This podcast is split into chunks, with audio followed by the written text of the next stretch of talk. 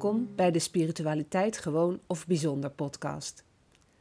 Tijdens deze podcast komen vooral jonge mensen aan het woord of nodig ik op verzoek van deze jongeren een expert uit om een ander licht te laten schijnen op een spiritueel aspect uit deze tijd.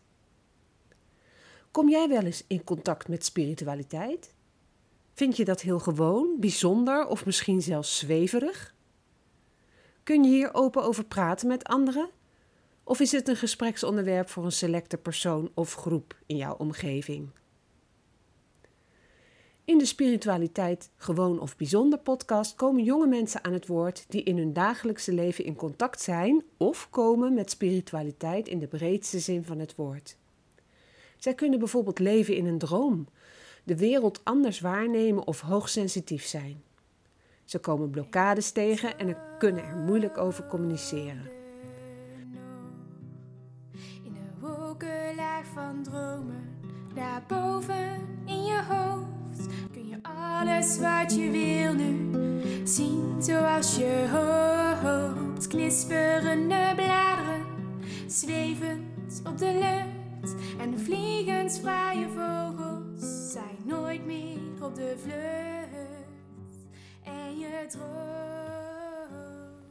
In deze podcast wil ik een gesprek voeren met Lotte. We, we waren namelijk in gesprek naar aanleiding van de eerste podcast die ik samen met Lotte heb opgenomen. En we hadden het na de hand over eh, bidden en het geloof. En toen werd het zo'n leuk gesprek dat Lotte zei: Zullen we dit opnemen? Want dit is gewoon een zo'n leuk gesprek. Inspirerend voor allebei. Dus het gesprek wat we nu gaan voeren is van ons samen. Zwevend op de lucht en Het geloof dus. Ja, We hadden raakvlakken, hè? ik vond het vooral heel interessant hoe jij begon, hoe jij bent opgevoed. Ja. Dat was een heel mooi stukje. Dus, Ja. Nou ja, misschien zou je het nog een keer kunnen herhalen. Ja. Nou, in de eerste podcast over mezelf heb ik al verteld over mijn vader, die ehm, eh, opgeleid werd tot priester. En eh, waardoor uiteindelijk de opvoeding die ik heb eh, gekregen van mijn vader, eh, er eentje was die heel erg te maken had met het geloof. Mhm. elke zondag naar de kerk. Alles met het gebed. hè, bidden voor het avondeten. voordat we gingen slapen, even bidden. En ehm, dat doe je als kind, omdat je denkt dat het goed is. En eh, naarmate je ouder wordt, hè, zeker in de puberteit, ging ik me afzetten tegen mijn ouders. En ging ik stiekem niet naar de kerk. Hè, dan ging ik, zei ik van ik ben gisteravond al geweest toen ik bij Henny of een ander vriendinnetje was. Of eh, toen ik verkering kreeg, hadden we het zo afgesproken dat we zouden zeggen van nou, we zijn al bij Paul naar de kerk geweest. Of Paul zei tegen zijn ouders, we zijn al bij Jolanda naar de kerk geweest. Maar het mooie was, toen ik ehm, rond mijn dertigste was dat denk ik, een reis ging maken naar India. Ehm, het was een echte tempelreis. Kwam ik in, in alle eh, tempels die ik eh, eh, zeg maar tegenkwam, ging ik naar binnen omdat ik nieuwsgierig was. En werd ik gepakt door de energie en door eh, de sfeer. Ik begon daar te mediteren, te bidden. Te, ja, eigenlijk pakte ik daarop wat ik eh, als kind ook deed, maar wat ik eh, helemaal weggestopt had. En toen jij vertelde over eh, bidden, toen werd ik geraakt. Misschien kun je, kun je vertellen wat, wat, je mij zei, zo van nou, wat je doet om ehm, dat gebed in, in, in werking te zetten. Of, Ja, ik ben Rooms-Katholiek opgevoed en wij hoefden eigenlijk niet per se naar de kerk. Ja, als er een begrafenis was of zo, natuurlijk, uiteraard. Ja. Maar mijn ouders zijn niet zo van de kerk. Eigenlijk niemand die ik ken is daar zo heel erg van. Maar toen ik dus bij de yogaschool ben uitgekomen, hadden, spraken ze best wel vaak over God. En voor mij, ik refereerde God naar, oh, Jezus Christus, de man met de baard. Weet je wel, als het perfecte plaatje op een wolkje. Terwijl het helemaal niet zo is. Dus ik ging eigenlijk een gesprek met mijn yogadocent. ehm wat goed zou werken voor mij. En hij zei van... Als je gaat bidden, wat goed zou werken voor jou, dan ga je gewoon met hem in gesprek. Gewoon vanuit je essentie. En dat mag zeg maar zo puur zijn als een kind. Gewoon heel onschuldig. En leg er geen hoge drempel aan vast. Dus ik dacht, ik was zo geraakt hoe hij dat tegen mij vertelde. Want hij keek mij aan, en ook al was het via Zoom online, hij keek mij recht in mijn ogen aan en hij zei: Als ik nou naar jou kijk, eigenlijk zie ik gewoon God in jou. En dat raakte mij heel erg. En toen ben ik dus op mijn knieën in de prayer houding, in de, in de bidhouding, zo tegen mijn bed aan gaan zitten of een tafeltje, ik weet eigenlijk niet meer wat ik had. En ik, was, ik zat zo vast in mijn gedachten van, ja, maar wat moet ik nou doen? Hoe kan ik nou connectie maken of zo? Moet ik dan het, wat ik in de kerk heb geleerd, zo opnoemen van onze Vader die in de hemel zegt, uw naam wordt geheiligd, die riedel. Maar het moet echt puur vanuit mij komen. Dus niet gewoon opgenoemd vanuit een boekje hoe ik het heb geleerd, zeg maar. Dus ik deed het in het Engels, wat goed voelde voor mij. Dat ik een begin maakte, zeg maar, een soort van connectie. En daarna ben ik eigenlijk gewoon gaan praten, heel zachtjes, hardop. En, op de, en ik had uh, oortjes ingedaan met op de achtergrond Gregoriaanse muziek. Dus dat zijn meer monniken die aan het zingen zijn. Ja, ik vind het echt heel mooi van die kerkmuziek eigenlijk met zo'n orgel op de achtergrond. Maar gewoon heel zachtjes, dus het was niet nadrukkelijk aanwezig. En op een gegeven moment ben ik gewoon gaan praten en op een gegeven moment voelde het ook niet meer raar. Maar ik stelde vragen, maar ik was ook gewoon super dankbaar. En op een gegeven moment zat ik gewoon met tranen in mijn ogen. En was ik eigenlijk gewoon aan het huilen omdat ik zo dankbaar was dat ik dit zo mee mocht maken. En het beeld wat ik heel sterk voor me zag, was een soort van lichtbron. Een soort van, een soort van zon. Dat was voor mij op dat moment God. Terwijl het een andere keer is het gewoon een soort van energie die ik voel. Want ik koppel het niet meer aan dus Jezus Christus op een uh, wolkje. Maar het is eigenlijk gewoon een bron van energie, wat, wat jij ook zo Mhm. mooi zei in het Ja. gesprek vooraf. Ja, En Ja. soms als ik in de natuur wandel, dan voel ik me gewoon heel erg verbonden met het goddelijke. Want voor mij is de natuur en gewoon die schoonheid, wat de natuur heeft gecreëerd, als je naar een bloemetje kijkt, maar echt, echt goed kijkt.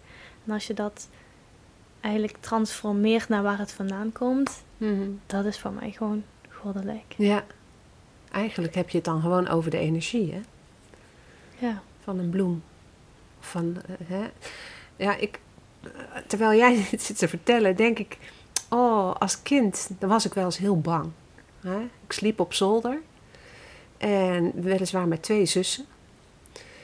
Sliepen Maar- jullie alle drie op de zolder of Ja. jij alleen? Nee, met, met twee zussen Mhm. op, een, op een zolderkamer. En ehm, ik eh, was dan heel erg bang. En dan eh, ging ik op mijn buik liggen. En dan ging ik met mijn hoofd op het kussen slaan. En terwijl ik dat deed, ging ik bidden. En dat klinkt een beetje raar. Want mm, hè, bidden doe je misschien eh, op je knieën naast je bed en met je handen ge- gevouwen enzovoort. Maar ik kon, doordat ik herrie maakte met mijn hoofd, kon ik gewoon dingen zeggen. En mijn Hmm. zussen, die vonden dat wel heel raar dat ik dat deed. En die zeiden, mama, Jolanda is weer aan het bonken. Zo noemden ze dat. Mhm. Maar dat was voor mij een manier om mijn angst weg te krijgen. En ik richtte mijn aandacht dan altijd op, ja, we noemen het God. Ja. En dat, dat, dat moment komt nu ineens, door jouw verhaal komt dat terug. Ik realiseer me helemaal niet dat ik dat nog wist, maar eh, dat is terug. En weet je dan ook nog wat je zei? Of was het meer van neem mijn angst weg? Of... Ik ben bang, help mij, ik, ik eh, wil bescherming, ik, eh, nou, van alles. Ja. Hè? Help mij, help mij. Maar Zorg jij- dat het onweer weggaat. Zorg dat de storm weggaat. Weet je, als kind ben je zo bang voor onweer, storm en regen. En omdat je op zolder slaapt. En er zaten twee dakkapellen op onze kamer. En daar rukte dan die wind aan. En dacht ik, oh, die waaien er straks af. En dan zorg dat de dakkapellen er niet afwaaien. Weet je, gewoon als kind ben je bezig met, eh, met die angst. En eh, dat hielp. Het hielp echt. Ja, maar het komt denk ik ook omdat je echt puur vanuit je hart praat, vanuit, het, vanuit die angst. Maar eigenlijk wil je gewoon beschermd worden, vanuit die liefde. Ja. En, ik geloof en dan echt dat je, dat je wordt gehoord. Ja, dat denk ik ook wel. Dat er een aanwezigheid is. Ja. En dat kwam dus terug toen ik weer in die tempels was in, in India. Toen dacht ik, hier, hier is dat, dat goddelijke. Mhm. En, en ehm, als je aan mij vraagt van wat is dan God, dan zie ik dat niet als een persoon. Dan, dan ja, vroeger misschien wel, want dat leerde je. Hè? Dat Mhm. Jezus er op een bepaalde manier uitzag en dat God op een troon zat. En, nou, da- daar heb ik me allemaal tegen afgezet. Maar nu ben ik ervan overtuigd dat eh, je God kan zien als energie. En die energie, die zit in alles. Hè? In het gele bloemetje in de natuur. En een, een dikke, stevige eikenboom die, waar je tegenaan kan leunen als je je ja, onrustig voelt. Eh, maar ook in, in mensen. Mhm. Mensen waarmee je je verbindt, mensen waarmee je te maken krijgt. En ehm, er, zijn, er zijn wel eens mensen die zeggen van ja, er zijn mensen die zijn goddeloos. Ik denk het niet. Het is eh, juist de kunst om in de mensen die goddeloos lijken, om te kijken van ja, wat is er dan eh, waardoor ze zo zijn. Ja. Want ze hebben zichzelf niet zo gemaakt. Nee, waarschijnlijk is het door levenssituaties of opvoeding of wat dan ook. Zijn ze geworden tot wie ze nu zijn. Ja, Maar van oorsprong, als je wordt geboren, ben je gewoon puur. Ja. En zit dat goddelijke stukje in je. Ja. Zo zie ik het. heb jij, heb jij wel goddelijke ervaringen in, in je leven gehad? Dat je zegt van nou, dit is echt God? Ik heb ehm, een keer een 24 uur prayer gedaan. Dus dat is ehm, dat je eigenlijk steeds een soort van mantra opnoemt. God heb genade op me. Of eh, God transformeer me en maak me tot datgene wat u wilt. Zoiets. En dat zeg je dan eigenlijk de hele tijd vanuit echt vanuit je hart, maar soms wordt het ook mentaal. En gedurende die 24 uur doe je ook niet eten, dus alleen water drinken, ook een soort van vasten. En je doet ook niet slapen. Dus het is echt wel een intens proces. En dat heb ik, denk twee keer of zo gedaan, meen ik. Maar toen heb ik. Soms wordt het gewoon een beetje mentaal. En het is wel de bedoeling dat je tussendoor yoga doet. Je kunt een wandeling gaan maken, maar je blijft het benoemen. Maar soms komt het echt vanuit je hart. En ik heb op die manier best wel vaak eh, ja, een soort van aanwezigheid gevoeld. Of echt. Maar ik heb op die manier wel echt ervaren dat er echt een God is. Want van tevoren, ja, ik geloofde niet echt. Ik geloofde wel dat eh, in het universum en zo, maar echt dat er iets van een God was. En of dat nou een. eh maakt dat niet zoveel uit.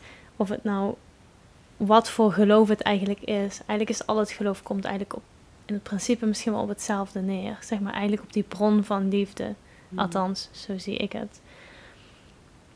Maar dat heb ik toen heel erg ervaren. En daardoor heb ik toen, ben ik echt gaan geloven. Maar nog steeds is mijn ego af en toe een beetje zo... Dan kom ik uit de situatie en denk ik... Wow, het is onbeschrijfelijk wat ik nou heb gevoeld. En dan de dag daarna is mijn ego... Ja, maar klopt dat wel wat je hebt gevoeld? Zeg maar, die schreeuwt dan zo tegen mij dat ik het weer in twijfel ga trekken. Ja. ja. Dan, dan heb... heb- je eigenlijk last van je eigen oordeel. Zo Ja. van, nou, je bent gek of je ja, doe niet zo raar. eh, het is gewoon dit of het is gewoon dat. Ja. Ja. maar juist net door bij mijn intuïtie echt bij mijn hart te blijven, weet ik gewoon af en toe echt wat het goddelijk is. En ik heb gewoon heel vaak dat ik nou soms in de natuur ben, vooral als ik dan alleen ben, dat ik zo overrompeld word met schoonheid. En ik heb één ervaring die ik wil delen. En dan heb ik ook een vraag aan jou. Want jij hebt ook een hele mooie spannend. ervaring gehad. Maar mijn ervaring die ik had was dat wij... We waren terug in Nederland en we zouden gaan trouwen. Dus we hadden een hele uitnodiging gemaakt. En mensen uitgenodigd dat we het wel corona-proof zeg maar Mhm. konden doen met afstand en alles. En uiteindelijk kon het niet doorgaan, want ik had corona. Echt? En daardoor moest iedereen, mijn ouders, Sven zijn ouders, Sven zelf, in quarantaine. En het kon wel doorgaan, maar dan konden mijn ouders er niet bij zijn. En ik dacht, ja, dat wil ik niet. Ehm, dus toen moesten we alles annuleren en ik vond het zo lastig. Want ja, we hadden eigenlijk alles al zo voorbereid. Dus ik ging mensen opbellen en ik moest echt zo hard huilen om het te annuleren. Te zeggen van ja, het kan niet doorgaan. En toen was het echt een heel raar moment. Ik had een paar mensen gebeld en toen vroeg mijn moeder: Ja, we hebben champignons nodig en wij zitten in quarantaine. Jij bent uit quarantaine, kun jij dat even gaan halen? En ik dacht: Oké, ik heb een half uur en dan begint mijn yogales. Ja, is goed, ik ga wel halen. Dus ik spring op de fiets en ik fiets zeg maar in het dorp eigenlijk een beetje over van die mooie velden naar zo'n boer die dat daar verkoopt. Dus ik had dat gehaald. Toen fietste ik terug en ik was zo gehaast. En toen dacht ik, waarom ben ik nou zo gehaast aan het fietsen? Ik hoef, ik hoef helemaal niet gehaast te zijn. Al ben ik iets later tijdens de yogales. Ik ga gewoon genieten van dit moment. En ik versloomde, of hoe kan ik, vertraagde eigenlijk alles in mijn zijn. En ik fietste en ik keek gewoon naar de natuur om me heen. En opeens voelde ik gewoon een goddelijke aanwezigheid. Dat ik dacht, maakt ik helemaal niks uit dat die bruiloft niet doorgaat. Wat zit ik hier nou allemaal te klagen? De bomen klagen toch ook niet dat er steeds auto's langs rijden met hun stinkuitlaatgassen. Als een bij naar een bloem gaat en die pakt daar zeg maar de, het stuifmeel van en zo. En eigenlijk is het een super mooi intiem moment voor een bloem en een bij. Hoeft daar toch ook niet een ritueel van te worden gemaakt. Eigenlijk gaat het gewoon om het hele proces, hoe we er naartoe hebben gewerkt. En op dat moment leek het echt alsof ik in een schilderij was. Gewoon alles was stil en zo perfect. En ik had een glimlach op mijn gezicht. En dat heeft echt drie dagen geduurd dat ik in een super hoge extase was. Dat ik dacht, het maakt me niks uit. We vieren het gewoon super intiem. Al gaat het niet door. Het maakt me helemaal niks uit. Dat zelfs mijn ouders, die helemaal niet gelovig of zo zijn, zijn gewoon eigenlijk heel aards, super lieve mensen. Die die, mijn moeder zei zelfs tegen mij: Wow, hoe jij omgaat met de situatie, Lotte, ik vind het echt knap. Maar dat komt gewoon echt door die switch die er is gebeurd tijdens het fietsen. En dat was echt een aanwezigheid, een soort van euforisch gevoel in mijn hele lichaam, wat ik nog nooit eerder heb gevoeld. Dus dat mhm. was mijn bijzondere ervaring. Ja, ja. Nou, echt een goddelijke ervaring. Dat kan niet anders. Ja. Een uh, contact maken met, met het goddelijke in jezelf. Ja. En wat is voor jou een goddelijk moment geweest nou, wat je hebt meegemaakt? Ja, ik heb, het, uh, ik heb het vanmorgen tegen jou verteld. Het heeft indruk gemaakt, maar we zaten beide te huilen nadat ik het weer verteld heb. En ik heb dit ook al wel vaker verteld, ook aan andere mensen, dus die zullen dit herkennen. Een moment uit mijn reis uh, naar India. Uh, mijn, wat ik net al zei, mijn temporeis. En Um, ik was met twee andere vrouwen en uh, we werden ons steeds meer bewust van de verschillen in rijkdom en armoede daar in dat land. En um, wij kozen wel onze uh, hotels en, en restaurants uit vanuit een, uh, vanuit een basisprincipe. Maar we werden ons wel erg ervan bewust dat we toch nog op een luxe positie zaten. Dus toen waren we op een avond, uh, waren we, hadden we ergens gegeten en er was te veel over. En uh, we hadden gezien dat er veel mensen armoe leden. En in een opwelling vroeg ik of ik uh, het eten wat was overgebleven, of ze dat wilden inpakken, zodat ik het mee kon nemen. En kon geven aan iemand die het hard nodig had. Nou, dat deden ze in het restaurant. Dus wij gingen na het eten gingen wij uh, de straat op. En in India was het om zes uur s'avonds gewoon altijd in één keer donker.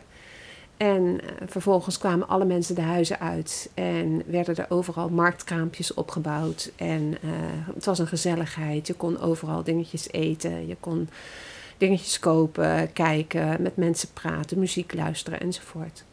En op, een op die avond was het zo dat we op een gegeven moment stilhielden bij een man. Die zat langs de kant van de weg tussen de kraampjes. Met naast zich een, een zeg maar, een, leek op een baal met stof, uh, textiel. En um, ja, we keken een beetje van wat, wat doet die man daar? Wat, wat verkoopt hij iets? Uh, maar hij zat daar heel rustig en stil voor zich uit te kijken. En ik bood hem uh, het pakketje met eten aan als offer uh, uh, vanuit een nederig gevoel, omdat ik echt met ontzag naar die man aan het kijken was.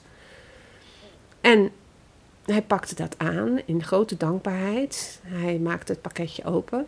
Hij begon daarvan te eten en hij tilde vervolgens eh, de bovenkant van de berg, wat ik dacht dat het een berg stof was, textiel was, tilde die op. En het was een, een lap die lag over een, een oud dametje, een oud vrouwtje, heel oud. En die vrouw ehm, ja, keek hem aan en hij begon haar te voeren van het eten wat wij hadden overgehouden en meegenomen. Nou, op dat moment, ja, nu, ik, elke keer als ik het weer vertel, dan ga ik terug naar dat moment. En kan ik maar één ding zeggen. Uh, God was daar op straat. In de vorm van die man en die vrouw. Om mij te laten zien uh, wat nederigheid is. En wat, wat schoonheid en liefde is. En verbondenheid. Een onvergetelijk moment. En als je al niet in God zou geloven en je maakt dit mee, dan ben je in één klap ben je om. En ja, nu gebeurt het weer. Wij zitten allebei hier met tranen in onze ogen. Hoe bijzonder is het dat dat moment dit in ons op kan halen, naar boven kan halen. Ja. Dus ja, als je gaat, gaat kijken naar wat, wat er in je eigen leven uh, gebeurt aan goddelijkheid, aan goddelijke momenten, dan weet ik zeker dat elk moment, of elk mens iets te vertellen heeft. Ja. Het stukje toeval bijvoorbeeld. Dat mensen zeggen dat is ook toevallig. Dat, dat heeft ook vaak te maken met zo'n moment van bewustwording dat je zegt van hé, hey, er komen dingen samen of zo. Want dan moet het zo zijn. Ja. Dan is het vaak al geïntegreerd. Ja. En daar hele mooie deling. Hmm. Ja. Het raakt mij ook in mijn hart. En doe je nou nog steeds wel eens bidden? Vraag ik me af. Um, echt bidden niet. Maar ik mediteer heel veel. Waarin ik tijdens de meditatie echt verbinding maak met, met een heel diep niveau. En nou is meditatie natuurlijk geen bidden, maar wel een staat van zijn mm die daarop lijkt. Als je echt in, in een gebed bent, uh, je zit midden in een gebed met, met een, een, een, een innerlijke kracht, zeg maar, een, innerlijke verbinding. Mhm. Dat gevoel kan ik ook ervaren bij uh, mediteren. Ja.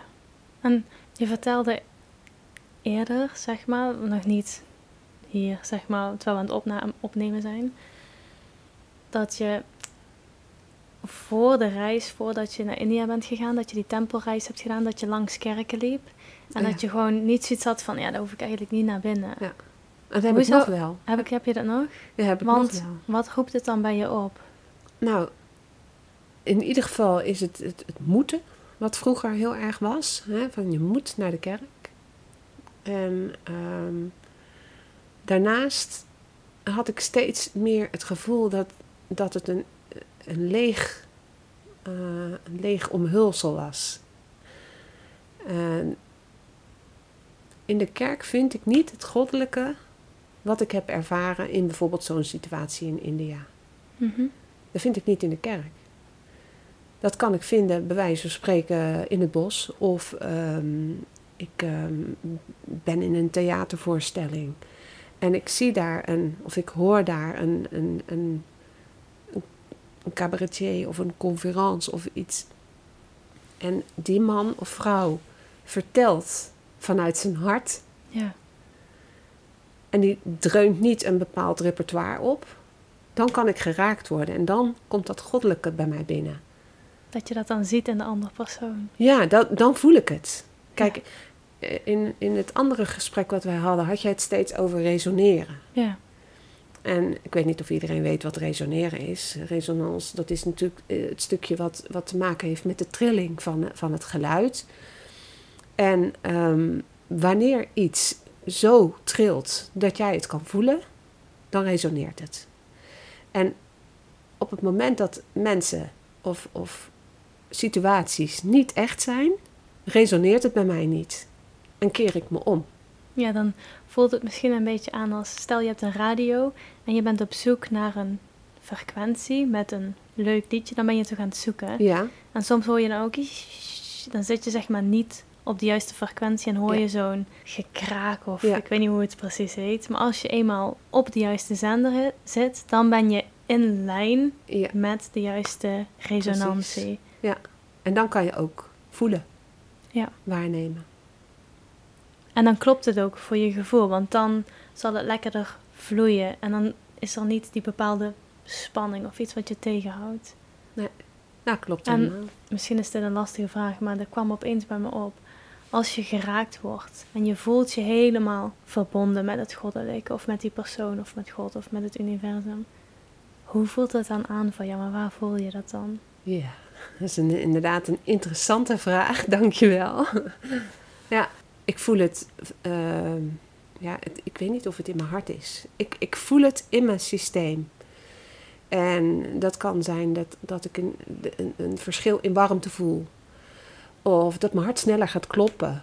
Of ehm, mijn wangen gaan gloeien. En dan realiseer ik me dat ik te maken heb met iets wat echt is. Hè, Maar dat kan ook zijn als ik eh, naar een museum ga en ik sta voor een schilderij waar een bepaalde boodschap uitkomt. Dat ik geraakt word. Ja, En, dat is het en- mooie van kunst. Ja, en dat, dat raken, dat, ik vind dat dan God aanwezig is. Mhm. En dat je eh, ook dankbaar kan zijn. Hè, Net, net als de, de teacher die jij dan hebt, die dan elke keer zegt: Thank you, God. Hè, voor, voor alles wat gebeurt. Ook al zijn het hele vervelende dingen. Ja. En dat zeg ik niet, maar ik kan het wel voelen. ja, Dus als iemand in mijn nabijheid zoiets zou zeggen, dan zou ik zeggen: Ja, klopt. ja, Ja, ja, dat is een mooie bewustzijn. Ja. Wo- bewustwording bedoel ik. ja, ja. Ah, ook mooi bewustzijn natuurlijk. Ja, om van alles wat er gebeurt, ook al is het iets, nou ja, negatiefs in je leven of je stoot per ongeluk een kopje thee om en normaal een vloekje of zo, of is het zo van, ah, moet mij weer overkomen. Hm. Terwijl die persoon dan zegt, oh, thank you God, dat het bijna een soort van teken is van het universum, dat je gewoon rustiger aan moest doen, omdat je veel geha- te gehaast bijvoorbeeld aan het werk was. Ja. Ben je gewoon niet in het moment en ben je er niet meer helemaal bij. Dus vaak zijn het gewoon allemaal kleine hints. Ja, Daarom lopen die dingen mis. Maar daar kunnen we van leren. het is wel interessant om daar eens op te gaan letten hoe vaak dat gebeurt. Want volgens mij gebeurt dat veel vaker dan dat wij ons bewust zijn. Ja. Want, Ik merkte ook toen ik hier naartoe fietste. Mijn vriend had eh, heel mooi zo de route aangestippeld, want dan kon ik via de mooie route fietsen. Dus ik fietsen, maar op een gegeven moment stopte die. En ik denk, ja, ik ben er nog helemaal niet. Dus ik raak dan een beetje in een stress. Dus ik merk dan al gelijk dat alles dan ook misloopt. En ik stapte fout op de trappen, waardoor ik zeg maar van die trapper afstapte. En toen fietste ik weer fout. En ik merkte gewoon door die gehaastheid was ik niet in het moment. En toen dacht ik, oké, ik stel gewoon de route opnieuw in. Ik ga niet moeilijk doen. Ik doe mijn mobiel weg. Ik luister gewoon en ik ga genieten van de natuur. Hm. En zodoende heb ik een hele fijne fietstocht uiteindelijk gehad. En ook al ben ik 15 minuten later, Het, was het, het was de moeite waard Ja. om even stil te staan. Mijn dochter gaf me ooit een boek en dat heette Tijd bestaat niet. En ik vond dat zo'n openbaring.